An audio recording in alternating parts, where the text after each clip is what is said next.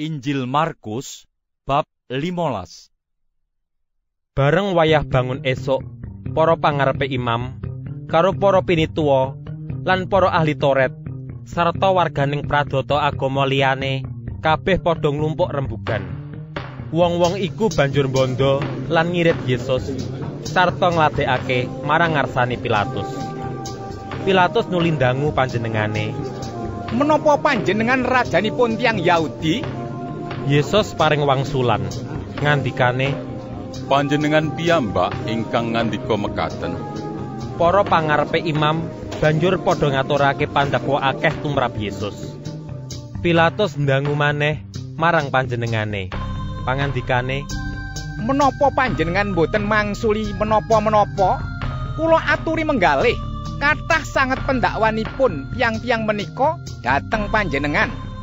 Nanging Yesus tetep ora mangsuli apa-apa. Temah Pilatus nganti gumun banget.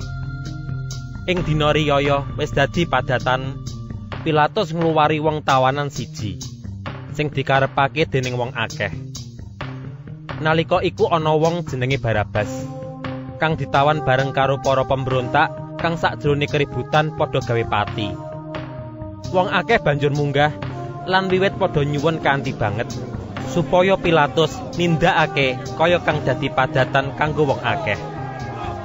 Dene Pilatus nanggapi wong akeh kalawan ngandika, Apa kowe padha kepengin supaya aku ngluwari rajaning wong Yahudi iki?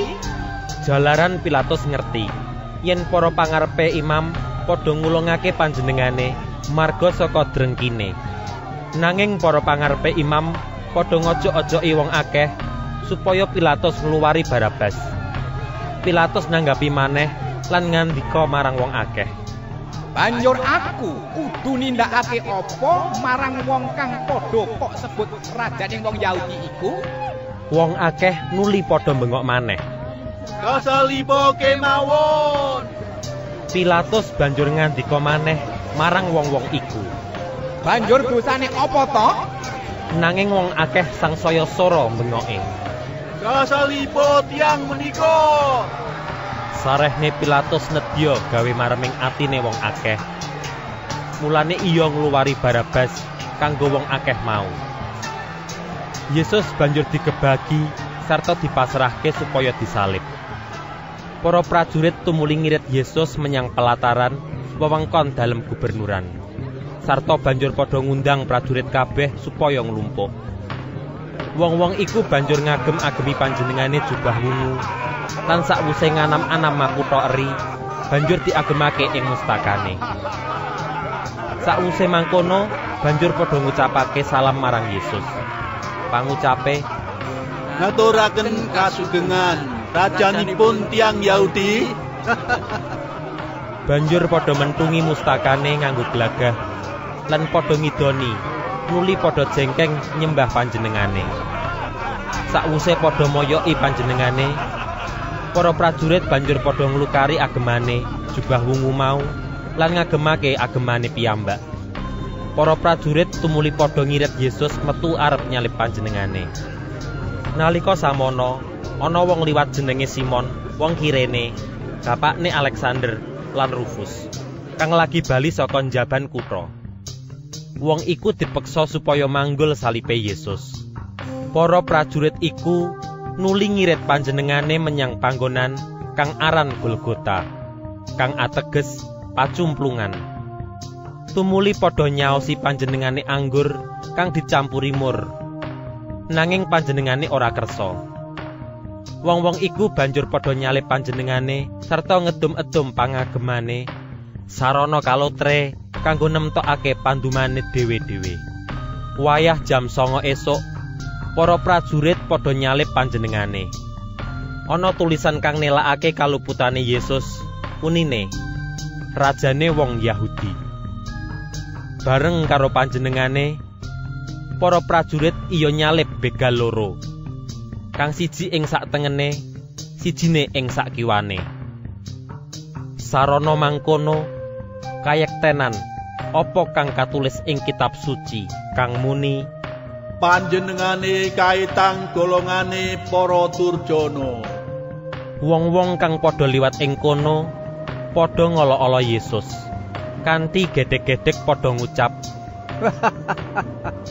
Hei, kowe kang arep ngrubuhake pedalaman suci lan arep bangun maneh sajrone telung dina, luarono awakmu dhewe lan muduna saka salib. mangkono uga para pangarepe imam karo para ahli Toret. Iya padha moyoki karo rasanan.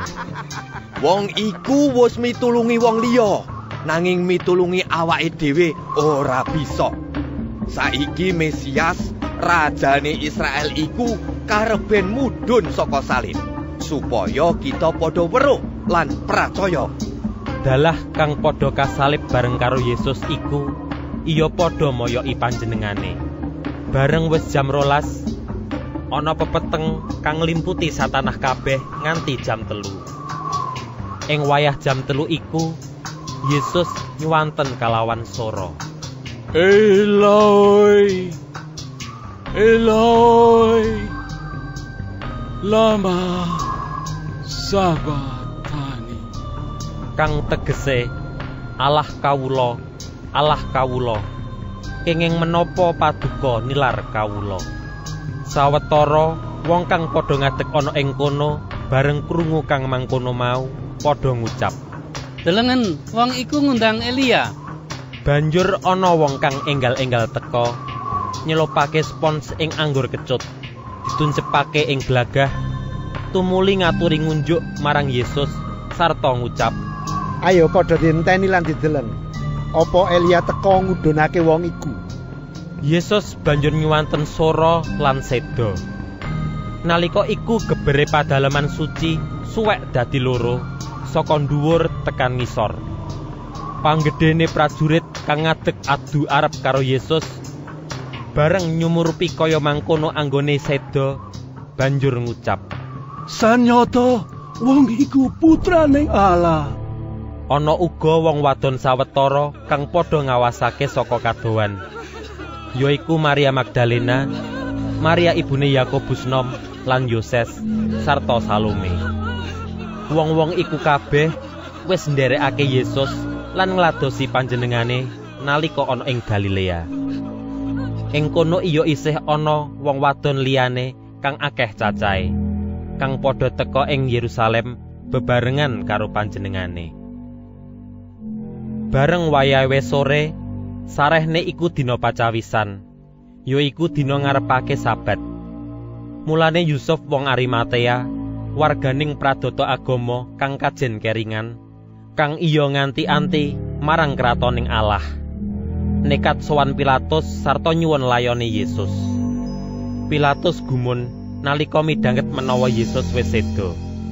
Banjur nimbali panggedene prajurit lan dangu. Apa panjenengane wis seda.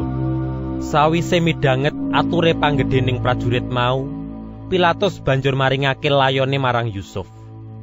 Yusuf nuli tuku mori alus lan ngudunake layone Yesus sarta ngulesi layon mau nganggo mori iku. Sakwise mangkono, banjur nyarekake layone ana ing kubur kang tataan ing watu. Banjur nglundhungake watu nutup lawanging kuburan. Maria Magdalena lan Maria ibune Yoses padha namatake papan anggone nyarekake layon mau.